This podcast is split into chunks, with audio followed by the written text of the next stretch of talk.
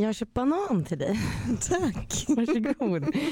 Det var liksom det jag hann få med mig så att vi inte är hungriga jämt. Nej, bra. Och vatten. Det värsta är ju typ såhär när man hör i vissa avsnitt att magen kurrar. Alltså jag har ju hört min mage. Så vi måste ha en banan. Det är bra. Banan för blodsockret.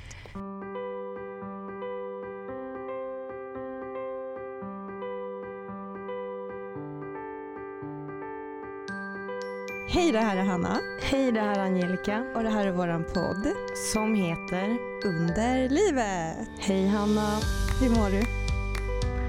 Alltså jag är trött men jag har haft jättejobbiga, eller jobbig vecka. För att jag håller på med ett projekt med min endometrios. Berätta. Eh, under ett års tid, alltså hela 2021, har jag haft två karensdagar varje månad och alla är mellan andra till sjunde i början på varje månad. Då.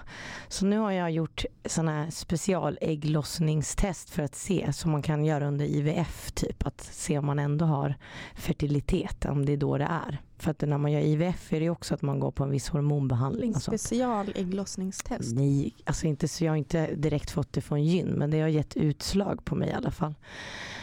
Eh, jag behöver inte gå in på vad de heter för att då försäger jag mig lite för mycket. Men jag håller på med ett projekt i alla fall. Så jag har försökt kissa på stickan och ibland lyckas jag, ibland jag gjorde helt fel. Jag gjorde som ett vanligt gravtest. Jag pissade ju på den här stickan och inte på den där som man ska stoppa in. Jag har ju bara gjort gravtest innan.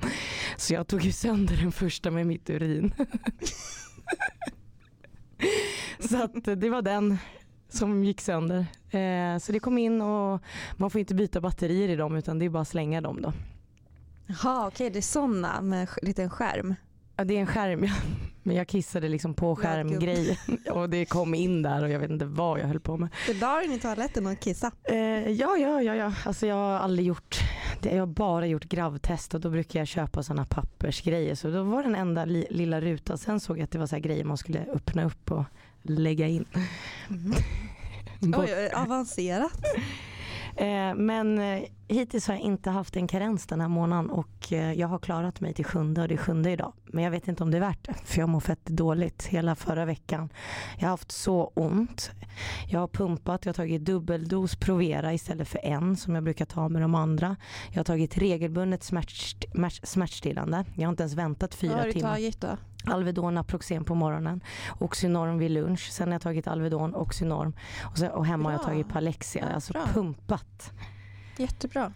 Men det är det värt det, som min kompis sa. Så dåligt du mår. Och det är Amelia som ser det här för att vi har umgåtts lite nu och hon bara, men är det värt det? Är det inte bättre att vara hemma de där två skovdagarna? Ja, exakt. Men jag vill ändå testa och se om jag kunde minska skovet genom att öka hormoner. För jag pratade med gyn och testa att öka dosen och pumpa smärtstillande. Men hela förra veckan så har jag mått Men jättedåligt. Angelica, du kan ju prova det här och vara hemma.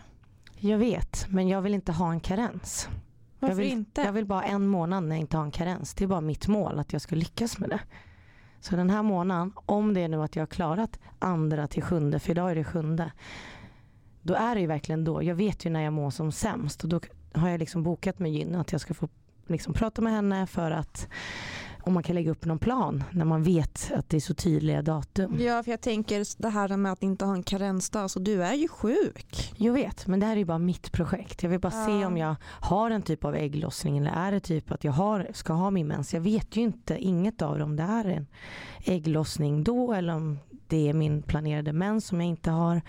Men det är ju jättetydligt på mina dagar för nu håller jag på att söka någon särskilt högriskskydd igen. Och då fick jag en chock att alla låg mellan andra till sjunde två dagar. Alltså det är samma period hela Ja, året. det är ju ändå kul att se liksom, om det är något samband. Så att det har jag hållit på med. Så förra veckan mådde jag röva. Men idag mår jag ändå bättre. Är du trött nu? Jättetrött. Det är Ja. som att jag har kämpat hela den här veckan mot skovet. Jag har Mm. boxat med, med säcken mot mitt Ja. skov. Ja. Men det här var mitt projekt. Om jag inte har lika ont eller får ett skov den här månaden då vet jag att jag kan planera bättre och vara beredd att vara hemma. Hur går det med dina cystor och lever och för att ta kort story så väntar jag på en gastroskopi nu innan en second opinion med min kirurg. Mm. Eh, och det är Gyn och min vårdcentralsläkare som vill göra en gastro som kommer visa 99% att det är bra. Men då har vi gjort allting och sen kommer de skicka en second opinion. För han tror att det är endometriosärg som har spridit sig. Så det spelar ingen roll att cysterna inte gör ont som de här leverläkarna säger. Men du har ju ont. Ja, men det behöver inte vara cysterna kanske. Han menar att man måste se. Och på en gastro ser man ju inte liksom hur, om det växer ihop kanske med levern. Alltså man vet ju ingenting. Så han vill göra en second opinion med kirurgen. Men vi pratar ett halvår framåt nu. Ja. Men du, hur tänker du med fysioterapeuten då? Det är för SÖS. mycket nu med levern. Jag menar Huddinge. Kommer efter sommaren. Det är för mycket med levern nu. Men jag tycker att eh, om du har du tid hos din eh, gynläkare Mars. då tycker jag att du ska ställa dig i kö till Ja, men det fysioterapeuten. kan jag göra. För det är jättelång kö. Då gör jag det. Det var Mm. bra att du sa. Men, för jag visste inte det. Nej, gör det. För då när du är redo då kanske du har fått en tid. Ja, men det, det Och om kommer. du inte är redo när du får en tid då kan du ju bara av, liksom, avböja. Jag visste inte att det var så lång kö, men det är absolut. Men just nu är det gastro på Sofiahemmet först. Ja, ja, men det är ett projekt när man är sjuk. Jag vet. Nej, så jag har bråkat med min endometrios i en vecka och vi har verkligen liksom sett varandra tänkte jag säga, nej men känt varandra. Hur mår du? Mm, jag var ju hos Anna-Sofia. Jag tycker att vi borde bjuda in henne till podden snart igen. Ja, Ja, jag ska snacka med henne. Nej, men jag var hos henne förra veckan tror jag det var. Och eh, ja, jag gråter alltid så mycket när jag är där men det är också väldigt skönt att vara där. Och vi pratade lite om att jag ska hoppa på en hormonbehandling igen och det känns lite sådär eftersom att jag inte har haft en behandling sedan november 2020. Ja, november 2020. Och eh, ja, det kändes lite så här ångestfyllt så men eh, jag har ju jätteont så att någonting måste ju göras och hon eh, berättade ju också, och jag vet ju det här, att om jag går på en hormonbehandling så kan jag ju rädda min fertilitet än om eh, liksom, endometriosen är aktiv. Och eh, hon, eh, ja, jag vet inte om jag vill dela allt, jag vet inte. Men eh, vi kom väl mer eller mindre överens om att jag aldrig, eller när jag, vill, när jag känner att nu har jag träffat någon jag vill bli gravid, då kommer det bli IVF direkt det är väl en jättebra plan. Alltså det är viktigt att prata om det för att Ja men det känns också jättejobbigt för att det är inte så man har föreställt sig att det ska behöva bli. så är det med den här sjukdomen. Jag förstår att det gör ont för att vem vill inte kunna få det naturligt? Så nu går jag ju runt och är fertil antagligen. Mm. Eh, och när jag, börjar med, när jag får min mens nu och sen börjar med den här slinda då kommer jag kanske aldrig någonsin mer vara där. Och det känns lite konstigt. Och Vad sjukt, jag tänkte inte på det så. Så det är ångestfyllt att börja med dem. gud. Ja, jag fattar då att ångesten kom. Ja, det är ett stort steg men samtidigt jag måste göra det för att må bra i sjukdomen. Jag är Du kan ju inte gå och ha sådär ont. Alltså, du har ju haft ont alltså, i år nu. Ja. Alltså, ja, och jag måste verkligen få ner min Palexia-dos. Jag tar åtta per dag. ja, det är helt galet. Ja, En annan hade ju krypit ut här.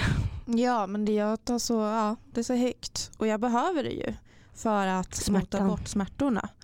Och jag, trots den den här höga dosen så när jag har mens så har jag ju blivit inlagd. Trots att du har tagit Palexia Ja. också. Så att smärtan är ju, den har ju eskalerat. Det är ju taggiga toppar nu. Vi måste få ner dem till runda kullar. Men det är ju det för du går ju och kämpar med ett tagg, alltså en taggig topp. Ja, ja. Så det blir bra ändå. Men nu ska vi inte prata om oss. Eller hur? Nej, för vi är ju inte, jag säger det varje gång här nu, för vi är ju inte ensamma i studion Nej. idag heller. Ska vi... Eh, Jingel, jingel.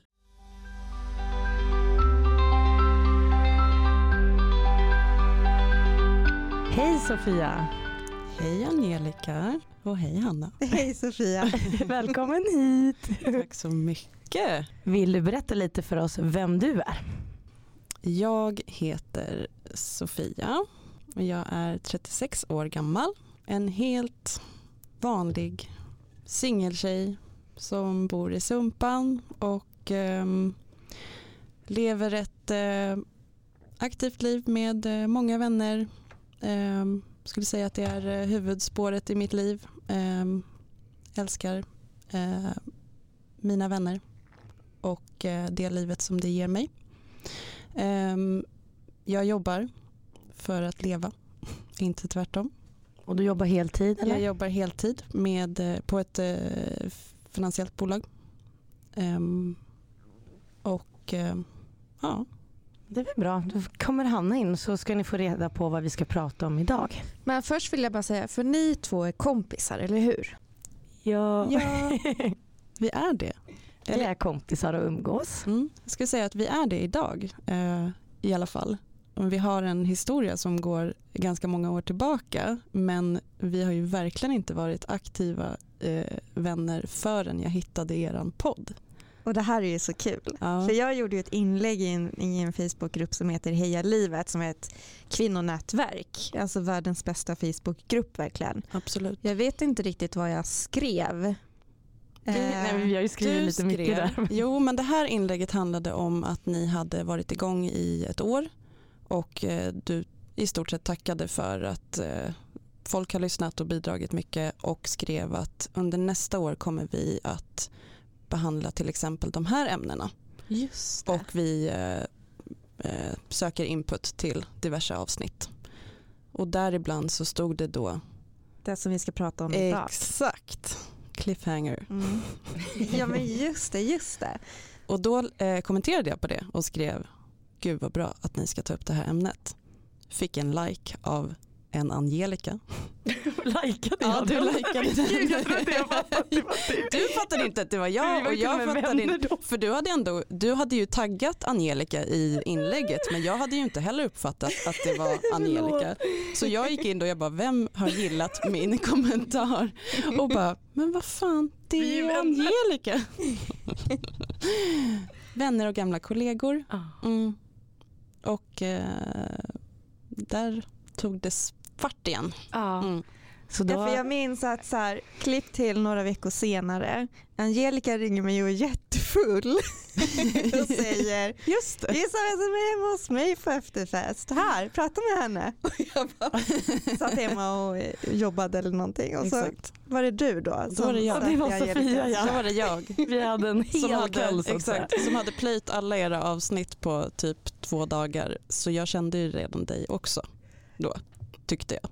Nej men alltså det här är så coolt och sen när jag flyttade hem, alltså som vi sa, gamla kollegor men sen när jag flyttade nu så fick ju verkligen kontakt på grund av att du la upp det där inlägget om Mm. vår podd. Mm. Alltså det är ju så fint. Det är ju jättefint Det är hörni. jättehäftigt. Ja. Så det var faktiskt bra att vi tog upp. Och nu Riktigt sitter du roligt. här Nu sitter jag här. och vi ska ju prata om breast in, implant illness. Ja. inför varje avsnitt då vi har en person som har drabbats av en sjukdom eller ett tillstånd eller diagnos eller så så läser vi upp vad det står i 1177 för att lite syftet med podden är ju att nyansera den bilden. För att du och jag Angelica vi har ju verkligen varit med om att man ska passa in i en mall men man passar inte in i den där mallen. För det är långt mycket värre att leva med någonting än vad det kan komma fram i en artikel på 1177. Men det här finns inte med på 1177. Och det erkänns inte som en sjukdom Nej, fast man är jätte, jättesjuk. absolut. Kan inte du berätta lite Sofia vad det är för någonting? För du har ändå väldigt stor erfarenhet av det här som drabbar men du har ju också gjort väldigt mycket så eftersökningar själv. Mm. Absolut. Ja, efter att jag eh, ehm, efter att jag själv trillade över diagnosen. Eh, jag vill ändå kalla det en diagnos ehm, även om vi inte är där än idag att få kalla det det. Så har jag självklart gjort jättemycket eftersökningar för att förstå vad det här är som drabbade mig och varför och hur länge det egentligen har pågått och så vidare. Och så vidare. Ehm, vi har väl kommit så långt i Sverige i alla fall som att det i vissa sammanhang ändå erkänns som att det här är ett samlingsnamn för diverse olika symptom som kan drabba kvinnor som har bröstimplantat. Um, och um, andra länder har kommit längre, till exempel USA har ändå gått ut med deras eh, motsvarighet FDA och sagt att ja, eh, breast implant illness är en diagnos. Eh, även om det fortfarande också alltid läggs till det behövs mera forskning, det behövs mera research till varför, vilka drabbas eh, och så vidare. Men den finns ändå där som eh, en start i att det börjar komma varningar kring bröstimplantat. Implantat överhuvudtaget. Men vet du varför det är så här? Som i Sverige till exempel som ändå känns som ett modernt land mm. när det kommer till sjukvård. Varför har vi inte mer kunskap om det här i Sverige? Är det så att det här är liksom någonting nytt? Eller är det för att, alltså vad kan det bero på? Jag vet mm. att såklart att du kanske sitter mm. liksom inte på de här svaren men Nej. tänk att du har tänkt lite kring ja. det här själv. Ja, alltså tyvärr tror jag att det är en samling av olika eh, saker som har bidragit till att vi står där vi gör idag. Det är absolut inte nytt. Alltså från det att man började operera kvinnor, för det är ju kvinnor som opereras främst, eh, så har det eh, förekommit liksom biverkningar och problematik kring silikon eller det man nu har valt att operera in i kvinnor. Ehm, och eh, där vi står idag skulle jag väl säga att en del av problemet är att det finns ingenstans att rapportera in vad som händer med den om man blir dålig. Det som går att rapportera är mitt implantat har gått sönder eller jag fick en infektion i liksom det ena sidan, andra sidan efter operationen. Men resterande symptom finns inte att rapportera in eftersom att det inte finns helt enkelt. Och när jag började söka mig till så här, vart ska jag rapportera det här Ehm, så blev man runtslussad till att nej men det här är ingenting som det finns bevis för därför kan du inte rapportera in det för att vi kan inte veta att det är det det handlar om. Så vi rekommenderar dig att anmäla det till din kirurg. Och många gånger när man vill rapportera det till sin kirurg så blir man hänvisad vidare till att du behöver anmäla det till eh, implantattillverkaren. För att det är liksom, ansvaret ligger inte hos den enskilda kirurgen, det är ju inte deras produkt. Um, och det som händer om man rapporterar det till implantattillverkaren, ja, vem vet vilken låda det hamnar i. Um, så att det är, um, det är svårt och bara i alltså i USA då som ändå så här, har kommit någonstans i det här så var det, säg att det var 2019 tror jag, då uppkom det att det fanns typ en slaskhög med anmälningar om biverkningar på eh, bröstimplantat. Eh, en halv miljon anmälningar som låg i en övrigt låda som ingen hade rapporterat in för att det fanns ju inte rätt typ av kryssbox att fylla i. För det finns bara, har du fått en infektion, har du fått en ruptur, inte allting annat som kan hända med en kropp som blir sjuk. Och det är ingen som vill ta tag i det heller. Det är det man hör. Man bara slussas vidare, vidare. Man slussas vidare och en del av problematiken är ju tyvärr för att det finns pengar i industrin. Det är klart att det är så enkelt. Man vill inte veta. Mm. Och det är jättelätt att bara kunna fortsätta säga eh, finns inga bevis, eh, det går bra för vissa och så säger de hur kan du veta att det var det?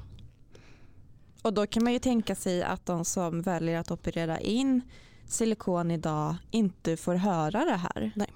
För vilka risker fick du höra inför din operation? När jag opererade mig, vilket var 2008, så det är ganska många år sedan. Eh, då hade jag, för det första så hade jag ju själv gjort research innan. Eh, och det, internet var inte lika stort då som det är nu. Men det är klart att det fanns jättemycket eh, sidor att söka sig på. Bland annat ett jättestort forum som heter plastikkirurgiforum eller någonting sånt. Där. Ehm, och där hade jag sökt efter eh, självklart så här, före och efterbilder, eh, hur, man ska välja kring det.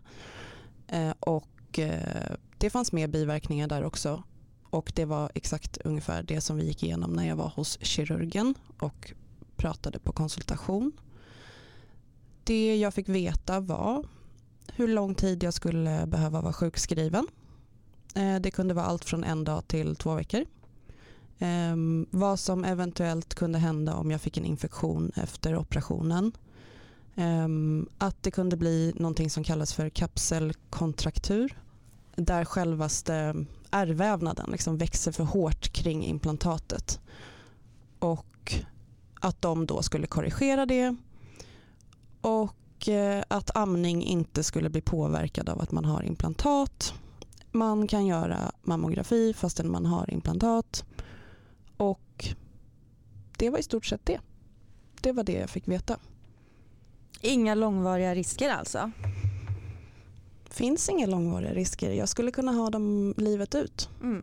Um, för det här var också, um, det hade precis kommit ett liksom, nytt Eh, typ av implantat på marknaden som är ett texturerat implantat, alltså som har en skrovlig yta. Och de var så himla mycket bättre än de som hade varit tidigare för att det blev inte samma typ av problem vid läkning. Och de kunde hålla mycket bättre, de kunde inte gå sönder. Om det gick sönder så kunde det inte skada kroppen. Så om jag bara inte skulle få problem med att de växte snett eller liknande, då kunde jag ha dem livet ut. Mm. Och då hade ju du ändå gjort de här efterforskningarna och verkligen ägt ditt val i ja. det här. Ja. Men eftersom att det här inte kom fram, mm. för det gör det ju nu när man kan prata med varandra och allt Exakt. det här. Så vet man ju inte att de här riskerna finns. Då får Nej. man göra hur mycket efterforskningar som helst mm. men det kommer, man kommer mm. inte hitta Nej. De berättelserna. Och jag tror att det fortfarande är beroende på vad du gör för sökning idag på internet när du själv vill, när du är ute efter att göra en bröstförstoring till exempel. Mm. Eller vad det än kan vara. Det blir ett riktat eh, liksom sökmaterial beroende på vad du typar in. Mm. Och jag menar jag, om jag söker nu på bröstimplantat då får jag upp jättemycket om breast implant illness. Och det är förmodligen bara för att jag har gjort de sökningarna tidigare. Men om någon som aldrig har gjort det, ja då får de ju upp bara de fina sidorna av hur bra det kan bli, hur ofarligt det är och bara information om operationen. Det fick ju jag eftersom att jag har sökt lite på det här. Jag, ja. jag fick ju verkligen leta som jag sa innan jag hittade någonting.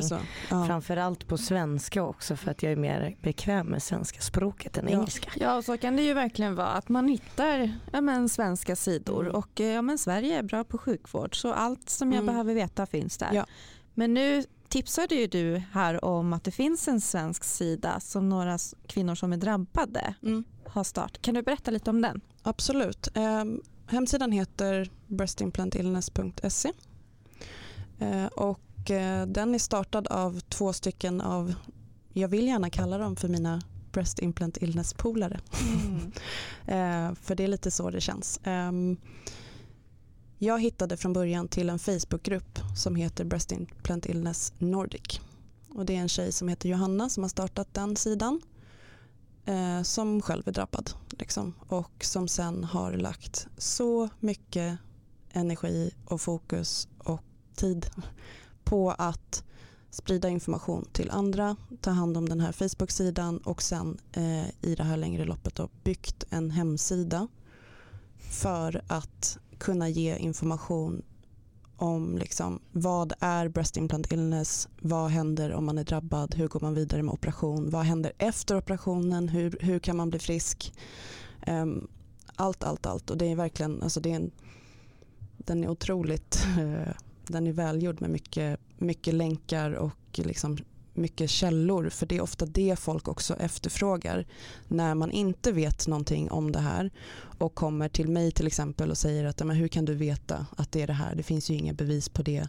Ehm, eller ja, som du säger att om du söker efter det här nu får inte du upp så mycket information varpå många upplever ju att ja, men om jag börjar prata om att det här är jättefarligt och du kan, få, du kan bli jättesjuk då är det lätt att avvisa mig som en stolle som bara ja, hitta på ungefär. Så att det är värdefullt att på något sätt ha en samlad bild av det här finns faktiskt forskning på också. Den är bara inte lika upplyft som annat.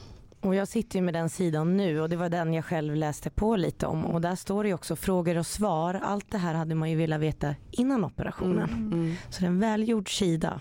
mm. Angelica, kan inte du läsa upp lite då? För som jag har förstått det så är breast implant illness alltså en förgiftning Ja. av materialet. Enkelt förklarat. Det kan man säga och jag tror att det är, jag skulle säga att det kan vara eftersom att jag vet inte och Nej. andra vet ju inte heller.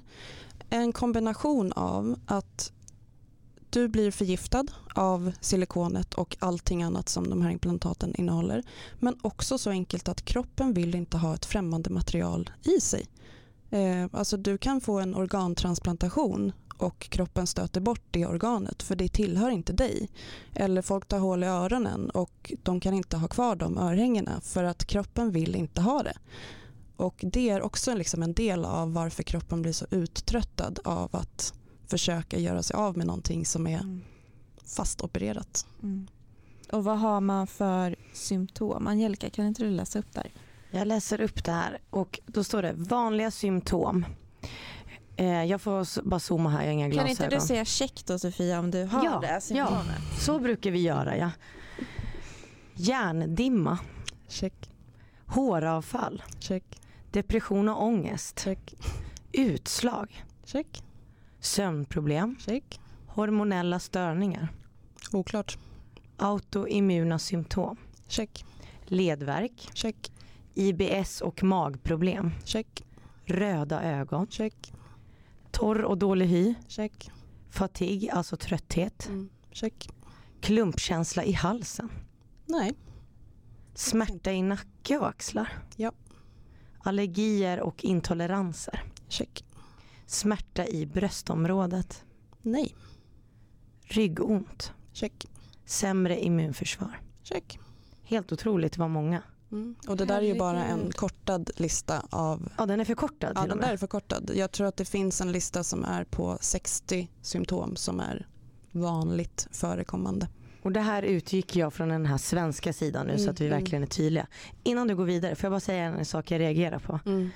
Det här jag sa, smärta i bröstområdet, Mm. nej. Nej. För det är det första man hade Exakt. tänkt där. Utan Ja. det är så mycket symptom runt omkring Mm. brösten.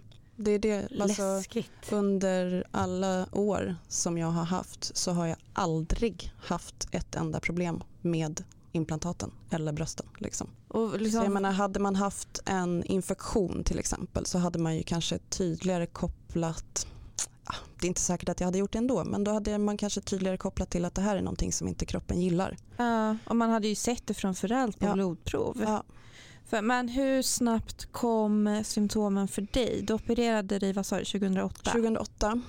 Um, det smög sig på väldigt långsamt. Um, jag har, uh, min första så här, läkarjournal på att jag har gått och sökt hjälp är från våren 2009. Då uh, var jag liksom där och så här, jag mår inte bra. Det är någonting fel på mig. Uh, jag är sjuk jätteofta. Eh, jag är trött. Eh, jag pallar inte riktigt liksom med samma tempo som jag gjort tidigare i träning, jobb, alltså livet överlag var ganska nedstämd. Ehm, och efter den, liksom, ja, men jag opererade mig hösten 2008, eh, sökte hjälp våren 2009 och sen har jag gått till läkaren en gång i halvåret efter det och sagt jag mår inte bra, jag mår inte bra, jag mår inte bra.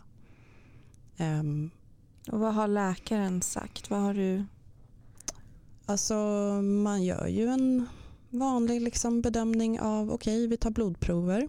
Eh, vi testar eh, dina nivåer av alltså, järnvärde, man kollar sköldkörtel. Eftersom att det jag rapporterade in var ju eh, till en början var det framförallt eh, trötthet. Så. Och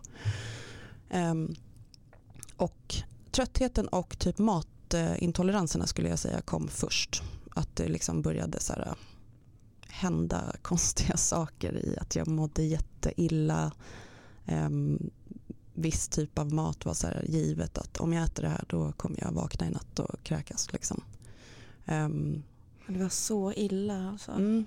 Um, men det var ju inte... Ja, alltså det bara... Jag var, ju, jag var ung. Alltså jag var bara 22 och man är ju i en så uppväxtfas där saker och ting förändras överlag i kroppen och livet. Och man hade liksom perioder av att man drack mycket alkohol eller man skulle testa olika dieter eller ny träning. Så att på något sätt kan jag idag känna så att ja, men jag kände ju kanske inte riktigt mig själv så jag visste inte varför någonting påverkades på det ena eller andra sättet utan jag fortsatte ju bara med min söka hjälp. Och så fick man lite rekommendationer för de här provsvaren som jag tog de kom ju givetvis tillbaks utan Alltså de var ju fläckfria. Liksom. Du har det är inget fel på det. Du var jättefina värden. Okej, okay. toppen. Eh, vad, vad ska jag göra då? Ja men du kanske bara behöver inte vet jag, röra lite på dig eller stressa ner lite eller prova och... och det där känns också så jävla typiskt att säga till en kvinna också att eh, ja men lilla gumman du kanske mm. inte ska stressa så mycket Nej. eller Nej. jag läste där på Facebook så har du ju skrivit din historia och där stod det också att du ju hade fått höra att men du kanske bara är stressad för att du är 30 och inte ja. har barn. Och, ja. alltså det är så fruktansvärt. Det är fruktansvärt. Jag blev så arg när jag mm. läste det där. Det är, um, jag kan Alltså, många av de här besöken man har gått på har man ju känt sig ganska ut, alltså, man är ju förnedrad mm. när man sitter där.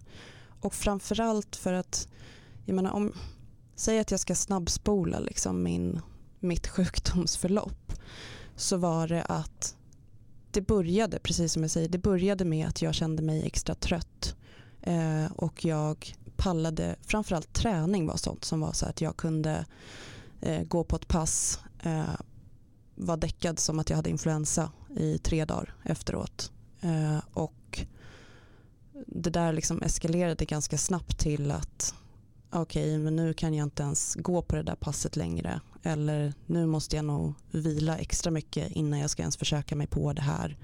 Um, maten funkade inte riktigt uh, och uh, då liksom försökte man parera det med att man skulle börja gå på dieter. Det funkade inte. Under de här åren så gick jag upp i vikt ganska snabbt. Um, trots att det var den här, så här ja, men jag testar LCHF, jag testar glutenfritt, jag testar inget socker, jag testar inget vad det än kan vara. Um, så var det bara en ganska snabbt nedåtgående spiral i att min kropp började liksom säga ifrån på konstiga sätt. Um, fick smärta i ja, men, muskler, leder. Uh, kände mig gammal helt enkelt. Um, och framförallt tror jag att vikten var någonting också som blev lätt sen för läkarna att ta på. Att ja men jag ser att du har ju en övervikt så du, du behöver bara gå ner i vikt. Jo men Problemen fanns ju Problemen där innan. fanns ju där innan.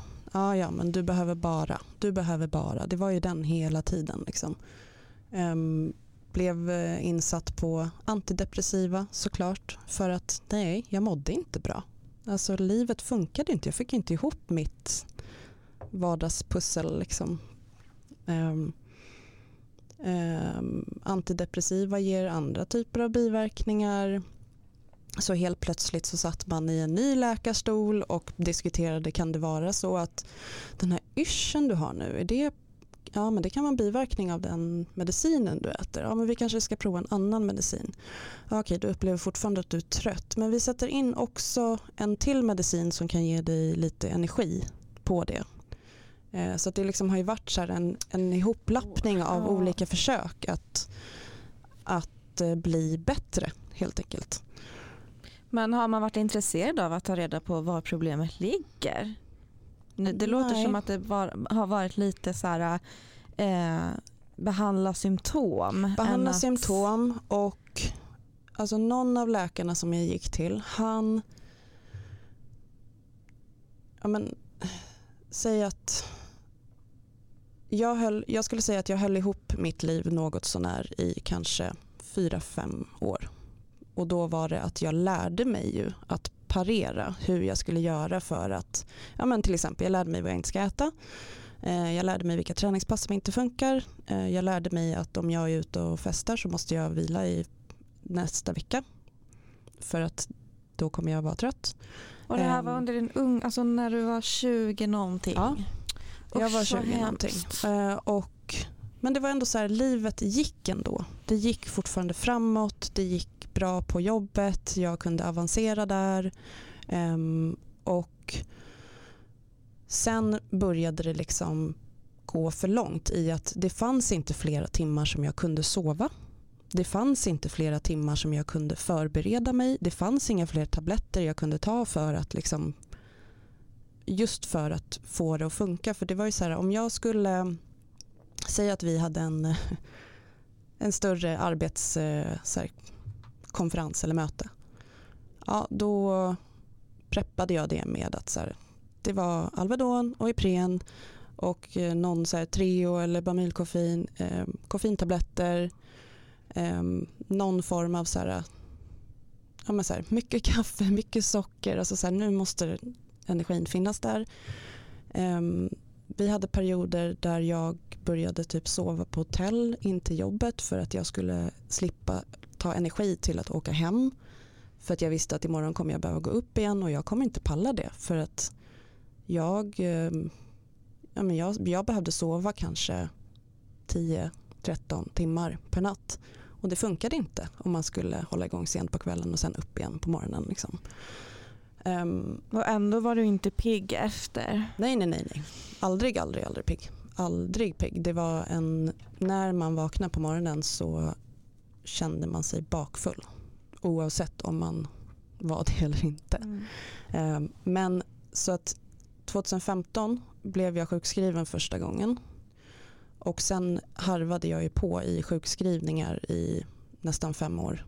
Till att liksom, ja, där började det degraderas ordentligt. Och då var det hemma liksom på heltid. Det var inte att Vissa jobba. perioder var jag hemma på heltid, andra jobbade jag 25%, jobbade 50%. Det var en riktig liksom, upphackad period och olika läkare, eh, jag gick ner i tjänst på jobbet, många, många liksom, vändor för att så här, nej men det räcker inte med den här sjukskrivningen, jag måste spara mer energi, jag måste spara mer energi. Det här är liksom, jag, jag klarade inte av längre att leverera helt enkelt normalt.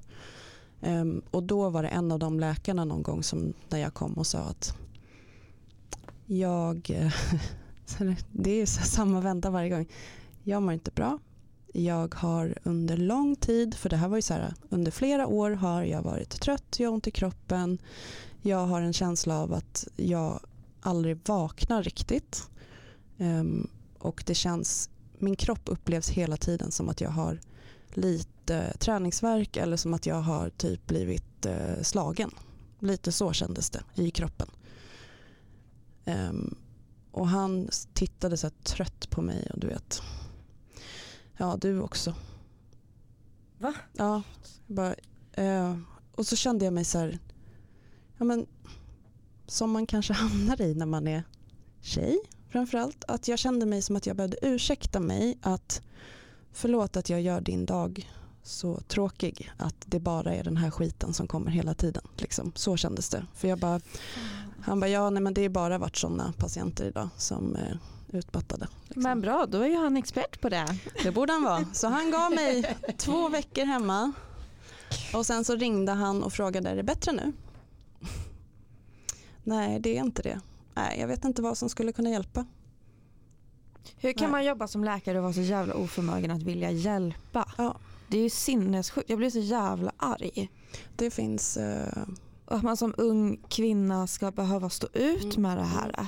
ja men det är ju det som är grejen att om jag går och söker hjälp och eh, bland annat då den här, eh, jag var på en smärtklinik där läkaren tog sig otroligt god tid för liksom förarbete. Jag fick fylla i allt som hade hänt i min barndom, alla mediciner jag ätit, alla eventuella diagnoser som mina släktingar har. Alltså det kändes så seriöst. Och han ändå avslutade det med att säga saker liknande som det här med att ja, men det kanske är för att du är 30 och inte har barn. Eh, han nämnde också att ja, men, hur känns det för dig att eh, ja, men om du nämner att du, din närmsta person i livet är din syster och hon verkar ju gå vidare i livet nu så att det kanske är jobbigt för dig också. Ja men vänta lite nu, du har ju liksom lyssnat på att jag, just de här sakerna som jag säger, jag har konstant ont, jag är konstant trött, jag är liksom supernedstämd och blir ledsen av ingenting, jag sover bort halva dygnet. Skulle det vara så enkelt som att jag känner mig lite lämnad ju, av. Alltså så här, du får ingen fysisk smärta av det, nej. att man känner en ledvärk. Hallå. Men jag trodde ju det. Alltså jag ja, blev jag, alltså, ju så här, jag menar, ja, alltså, du vet, man bara, ah, till man slut, galen så, när man till hör slut det här. så blir man ju så på något sätt hjärntvättad av allting runt omkring och uppgiven av att ingenting som man söker sig till själv, inga försök man gör till att någonting ska bli bättre blir bättre. Och framförallt så här, men det här som mina kompisar gör och mår jättebra av, om jag gör det så mår jag inte bra. Vad är liksom skillnaden på oss? Ja men det är ju jag. Det måste ju då vara jag. Det är, någonting är ju fel på mig. Och om det inte är något fel på min kropp eftersom att alla tester säger ju att jag är frisk, då är det ju i huvudet. Det är psykiskt. Mm, och tänk dig så här som du, år efter år. Alltså jag, jag hade ju känt så här, ja, jag söker läkaren här nu men jag kommer ändå inte få någon hjälp. Men man gör det ändå. Men alltså fy fan vilken känsla. Ja. Men hur kom du liksom fram till det här med ta ut implantat mm. och liksom, vad, vad fick dig att liksom det här måste vara det? Precis. Eh, då jag hade haft en, eh, då hade jag ändå precis, jag hade avslutat en sex månaders rehabilitering för eh, utmattningssyndrom. Eh, och samma sak där, de hade ju gjort en otroligt grundlig bakgrundskoll på mig om liksom hela mitt liv och vad som hade lett till vad och vilket år hände det. Ehm, och den här rehabiliteringen var absolut jättebra för mig men jag blev ju inte bättre av den. Och mitt mående stämde liksom inte riktigt in med deras heller för att när andra frågade jag kan inte sova, hur ska jag göra för att sova? Så var ju mitt problem, jag kan inte vakna. Jag sov för mycket och liksom när vi hade föreläsningar om sömn så var min fråga så här avvikande i att nej men det problemet brukar inte vi ha här så att kanske någon kan ge dig något litet, kan någon annan ge tips? Och ingen hade tips för det var ingen som hade det problemet. Um, så att jag hade haft den här våren av rehabilitering, hade precis gått upp i tid igen på jobbet, skulle börja jobba 50% och kände mig så livrädd över att det här kommer inte gå. Jag mår ju fortfarande skit. Jag vägde, 100, jag vägde över 100 kilo eh, och bara så här, min kropp var i haveri. Liksom. Jag sov, jag kunde sova 10-15 timmar på natten. Jag gick upp kanske vid halv tolv. Tog mig till jobbet så att jag var där vid ett. Eh, jobbade i två, tre timmar. Åkte hem, sov. Eh, och sen så, eh, mina kära vänner som jag hade i där jag bodde, brukade kalla det för min prime time mellan fem och åtta. Det var då man kunde umgås med mig. Då fick man gärna kanske komma hem till mig eller hämta mig. Då kunde man få lite tid. Liksom. Sen somnade jag igen och så började liksom dagen om. Så det fanns ju noll egentligen. Det fanns inte så mycket liv för mig. Jag sov mest och tog mig igenom dagen. Liksom. Men så kom den här sommaren då, 2019. När jag av en slump eh, sitter och fikar med två kompisar eh, och vi pratar om livet så som man gör, eh, träning, kropp, hur mår du nu för tiden, hur går det? Nej, det går ju inte så bra som sagt. Jag satt där sjukskriven, tärd, 100 kilo och kände mig väldigt misslyckad i livet liksom. och sa någonting.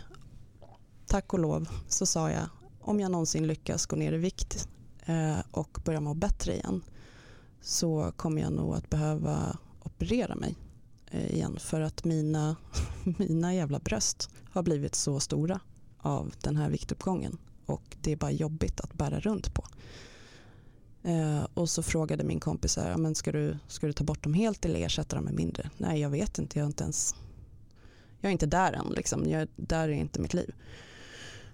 ah, jag såg en, eh, jag har sett en Instagram-sida som heter Breast Implant Illness. Har du sett den? Ehm, nej, visste inte vad det så här, vad, Ursäkta, vad var det? Sorry. ehm, och då var det, hon följde en tjej som heter Malin Björk på Instagram som hade plockat ut sina implantat på grund av att de var eh, typ tillbakadragna av cancerrisk.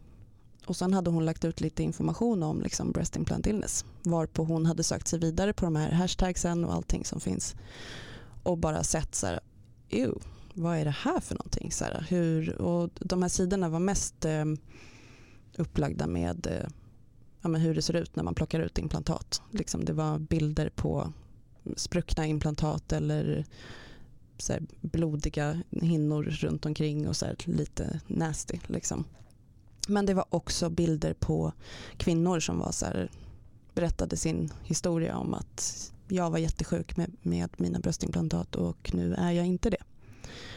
Men när jag tittade på de där kontona då, då var det så här, ja, gud vad sjukt att man kan bli sjuk av sina implantat och gjorde absolut inte kopplingen till mig själv i det utan jag tänkte ju så som, ja, så som många jag, alltså jag tror att man tänker att aha, de måste ha opererat sig, blivit sjuka, nu tog de ut dem. Alltså att det här hände ju i ett förlopp som det var någonting som gick fel med operationen.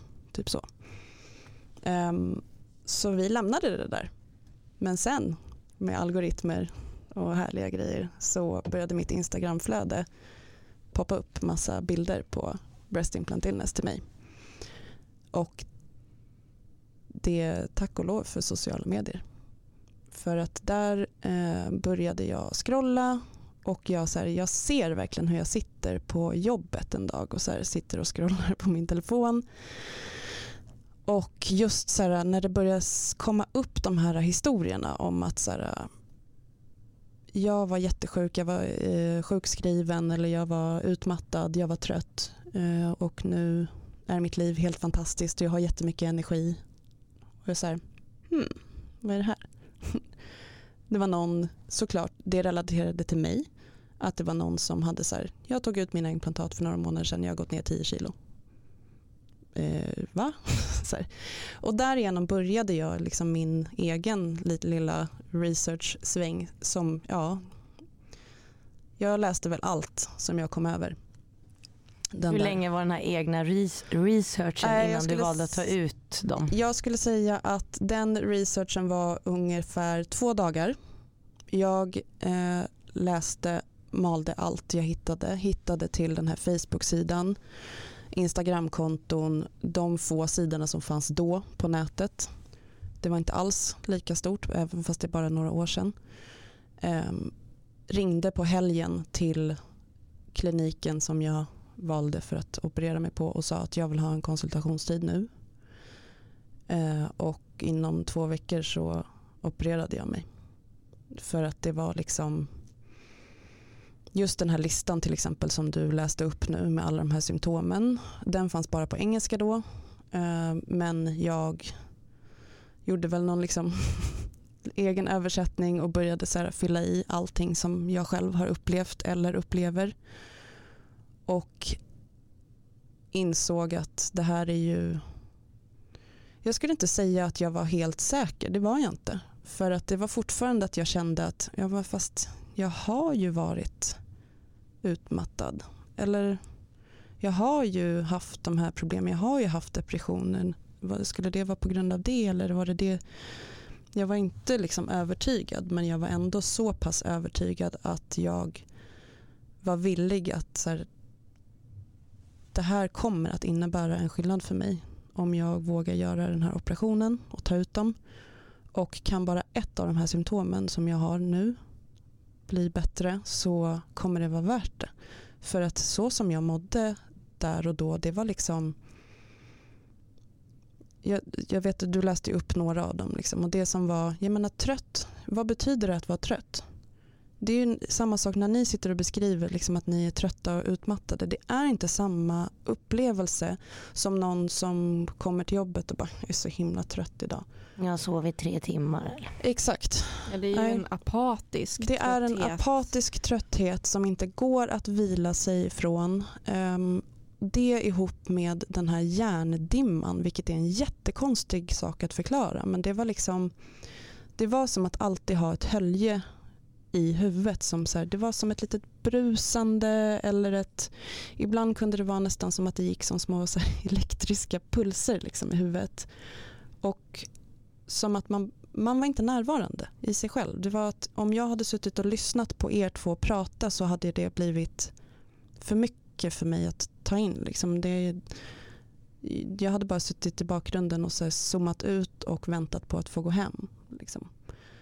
Um, men ja, vart Men hur är det efter operationen nu då?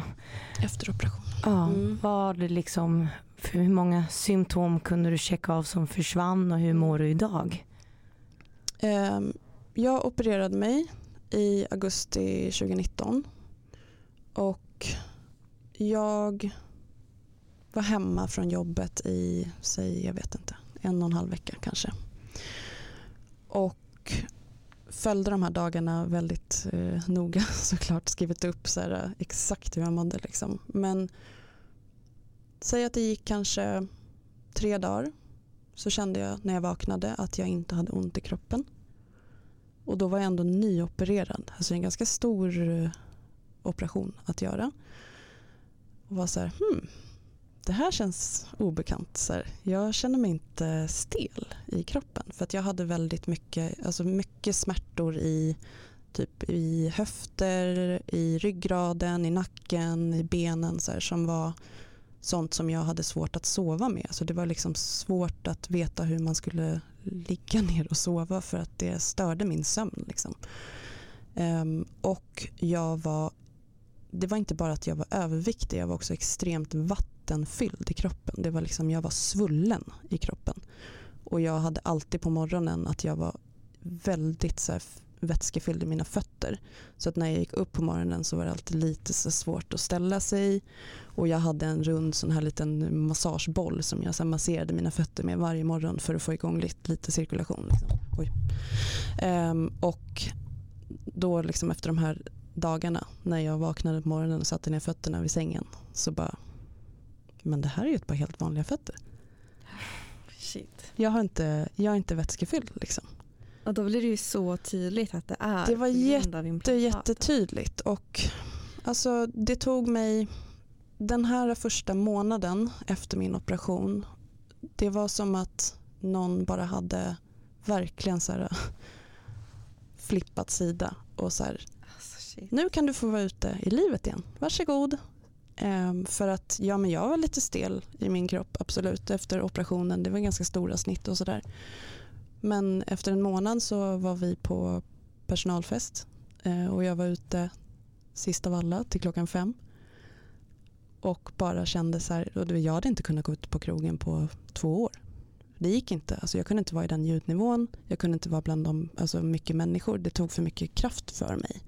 Och helt plötsligt så står jag på ett dansgolv bland människor och är helt så här, jag var så euforisk för att jag kände så här, fattar folk hur bra livet är?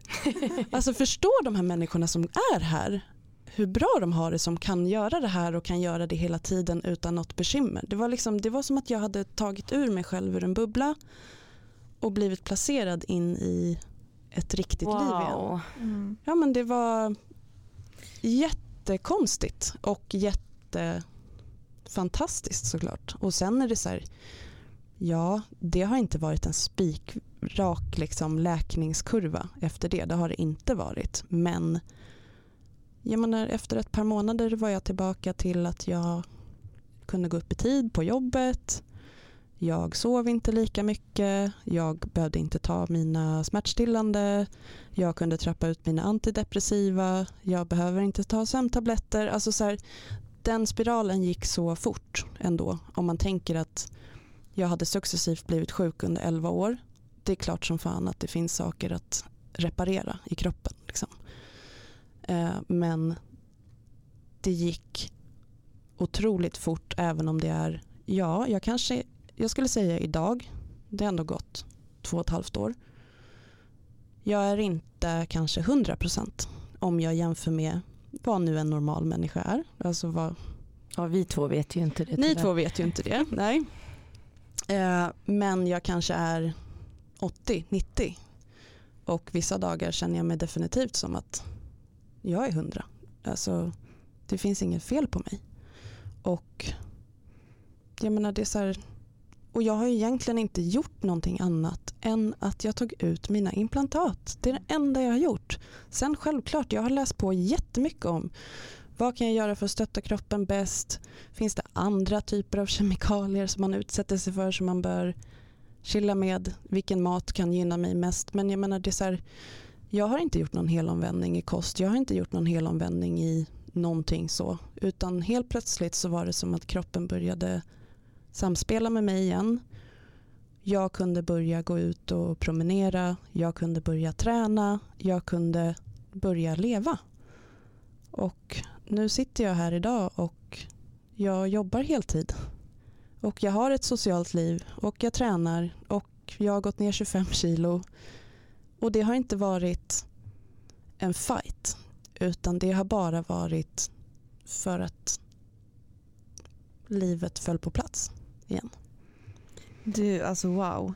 Eh, I samband med att du opererade ut de här implantaten så skrev du en text på Facebook. Och jag tänker om vi ska avsluta med att du läser upp den texten för att den är så himla himla bra.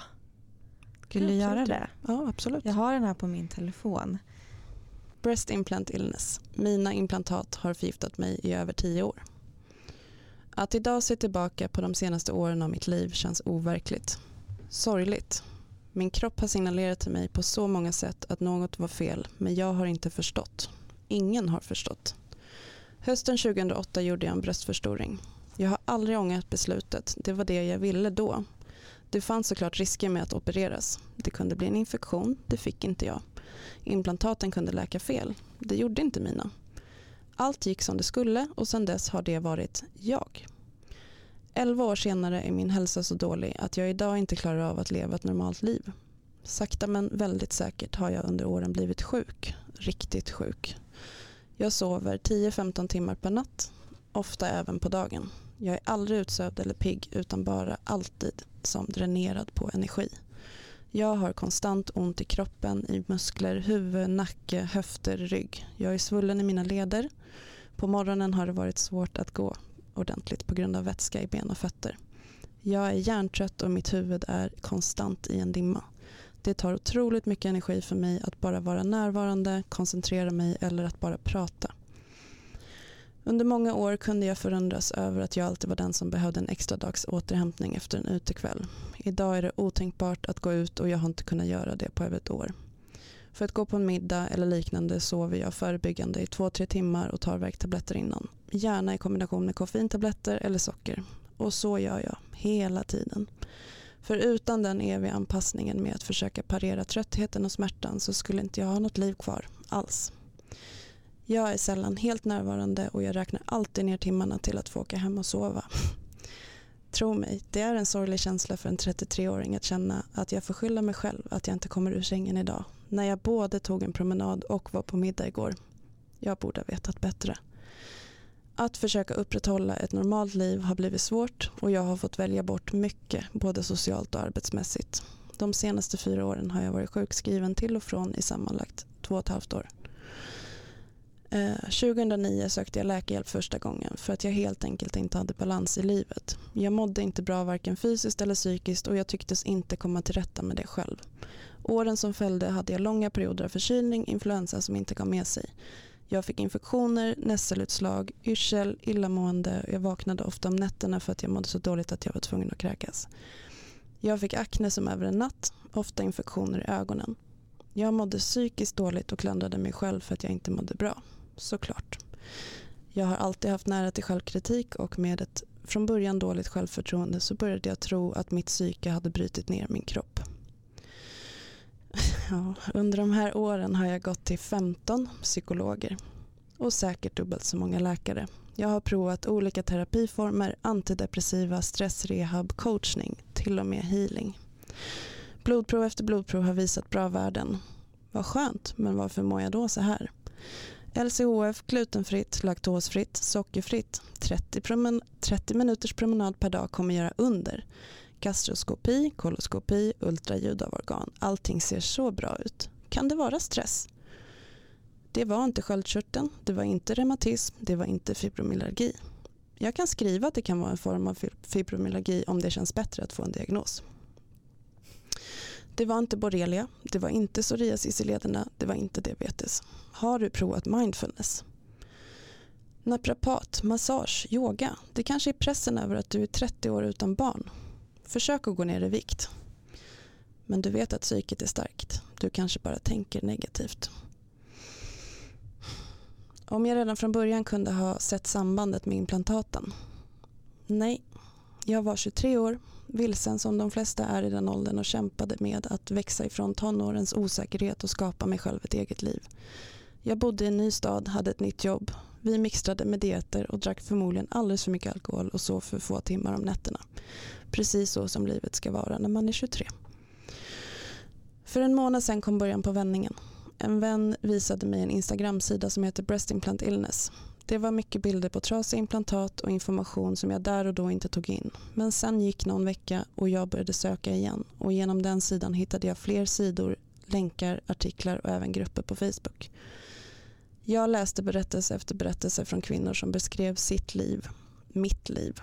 Jag har aldrig, aldrig träffat någon som mår som jag gör men här fanns det plötsligt flera tusen personer som bekräftade vad jag någonstans alltid har vetat.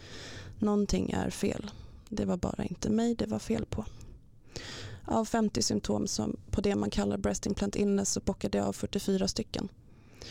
Däribland extrem trötthet, utmattning, hjärntrött hjärndimma, smärta och värk i leder och muskler, infektioner, ofta sjuk, ljudkänslig, ljuskänslig, koncentrationssvårigheter, lång återhämtning, ångest, depression, mycket, mycket mera.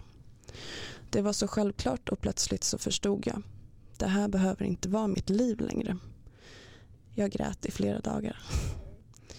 Min, kropp, min kropp har jobbat i över tio år på att skydda mig mot mina implantat och jag förstår nu att den inte orkade längre. Jag förstår varför alla mina försök till förbättrad hälsa har misslyckats. Och jag vet inte vad som hade hänt mig och mitt liv framåt om jag inte hade fått den här informationen. Mm. Ursäkta.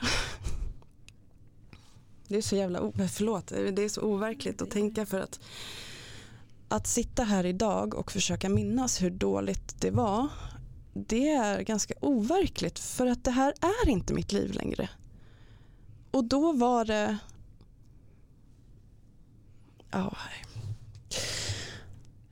det är för jävligt. Um, industrin är stor och det har varit locket på under många år när det kommer till biverkningar och risker av bröstimplantat. Många kvinnor har själva gått till sina kirurger och sagt att de tror att de har blivit sjuka av sina implantat. Men det har bara fått svaret att det måste vara någonting annat för att implantaten är säkra och det finns inte någon forskning som stödjer annat. Med allt det jag har läst och sett nu så tvivlar jag på att bröstimplantat är säkra för någon. Kok koksaltimplantat kan mögla, silikonimplantat kan spricka och lägga ut, läcka ut i kroppen. Implantaten kan växa fast i reben, lungor, hjärta det finns till och med en cancerform som heter eh, BIA-ALCL. Det står för bröstimplantat associerat anaplastiskt storcellslymfom. Implantat innehåller allt från aceton till skrivarbläck, tungmetaller som arsenik och bly. Hur kan det inte skapa problem? Breast implant illness är något som ännu inte är en medicinskt erkänd diagnos. Jag har själv frågat vart jag ska vända mig och rapportera att även jag upplevt stora hälsoproblem. Och det finns ingenstans att rapportera, för det är ingen som vill veta. Det är nu en och en halv vecka sedan jag tog ut mina implantat. Lite medtagen, öm och trött från operationen, men redan nu med en känsla av vakenhet i huvudet som jag inte har känt på flera år. Jag har inte någon svullnad i mina leder sedan jag vaknade morgonen efter operationen och jag kan ta djupa andetag igen. Jag kan andas. Läkningen kan vara ojämn och kämpig men jag ser fram emot varje förbättring och varje litet steg av att få mitt liv tillbaka igen. Lite plattare och mycket lyckligare. Mm. Jag och Angelica sitter ju båda här och gråter. Liksom. Eh, Ja, och det är inte mitt liv längre idag. Alltså det är jätteoverkligt att känna att så här, jag, eh, ja, jag hade inget liv. Och vad hade hänt med mig? Alltså tro mig, de historierna jag läser på de här sidorna. Det finns kvinnor som har haft implantat i 30-40 år som är rullstolsbundna, eh, opererade i ryggraden för liksom, smärtor, som har varit förtidspensionerade halva sitt liv. Det hade blivit värre för mig också. Och ja, ditt liv togs verkligen ifrån dig sakta men säkert. ja, Men nu är du tillbaka någorlunda. Du mår bra nu. Men det man måste verkligen, alltså det, måste, det kan ju inte vara så här. Det kan inte fortsätta att kvinnor inte får äga sina val i det här. Nej. Att man inte får den här informationen. Eh, det är helt fruktansvärt. det är fruktansvärt och framförallt så är det fruktansvärt att även den informationen som finns inte tas på allvar. Nej. För att det är så lätt att avfärda mig och hundratusentals andra kvinnor med liknande berättelser med att ja, men det finns inga bevis och jag är en framstående kirurg eller jag är en framstående läkare eller vad det än kan vara och jag har högre ställning än alla er. Ehm, Det måste vara helt fruktansvärt när man får höra men det finns ingen bevis. Men här är jag ju. Här är jag ju, precis. Och det finns bevis. Alltså så här, bröstimplantat har i omgångar under åren blivit förbjudna. För att det har varit för mycket skador liksom, med dem. Men sen gör man om någon ingrediens eller man gör om liksom, konstruktionen på det. Vips är det ute på marknaden igen och man får fortsätta.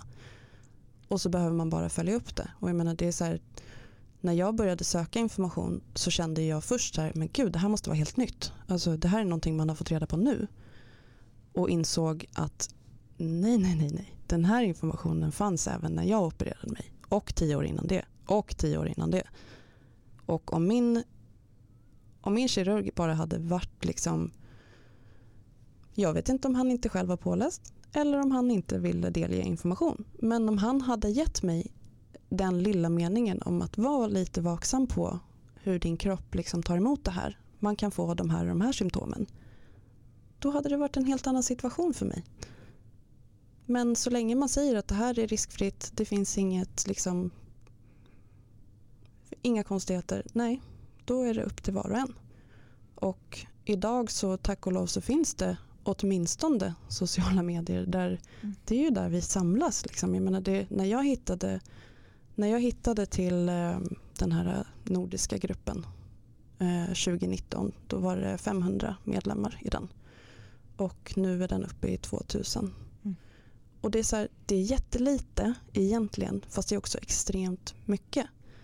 Och den amerikanska gruppen den är typ så här jag, jag säger att den var på 80 000 medlemmar när jag hittade den och den är uppe i 160 000. Så det blir ju en så här snöbollseffekt av att folk hittar dit. Och jag menar, det är jättelätt att säga till mig att det här är inte vanligt.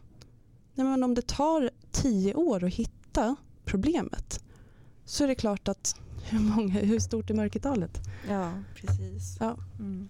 Men bara en sista fråga Sofia. Fick du bekosta den här Absolut. explant själv? Så det måste man göra för att... för att det ses fortfarande som en eh, estetisk eh, operation. Och det hade ingenting med min hälsa att göra.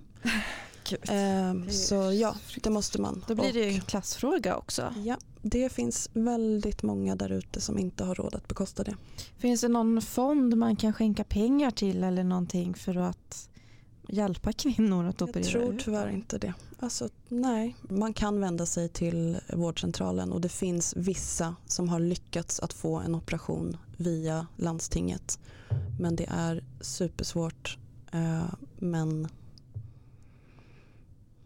Om man lyssnar på det här nu och känner att jag vill verkligen snacka med Sofia, jag har frågor till henne, jag tror att jag, det här har drabbat mig också.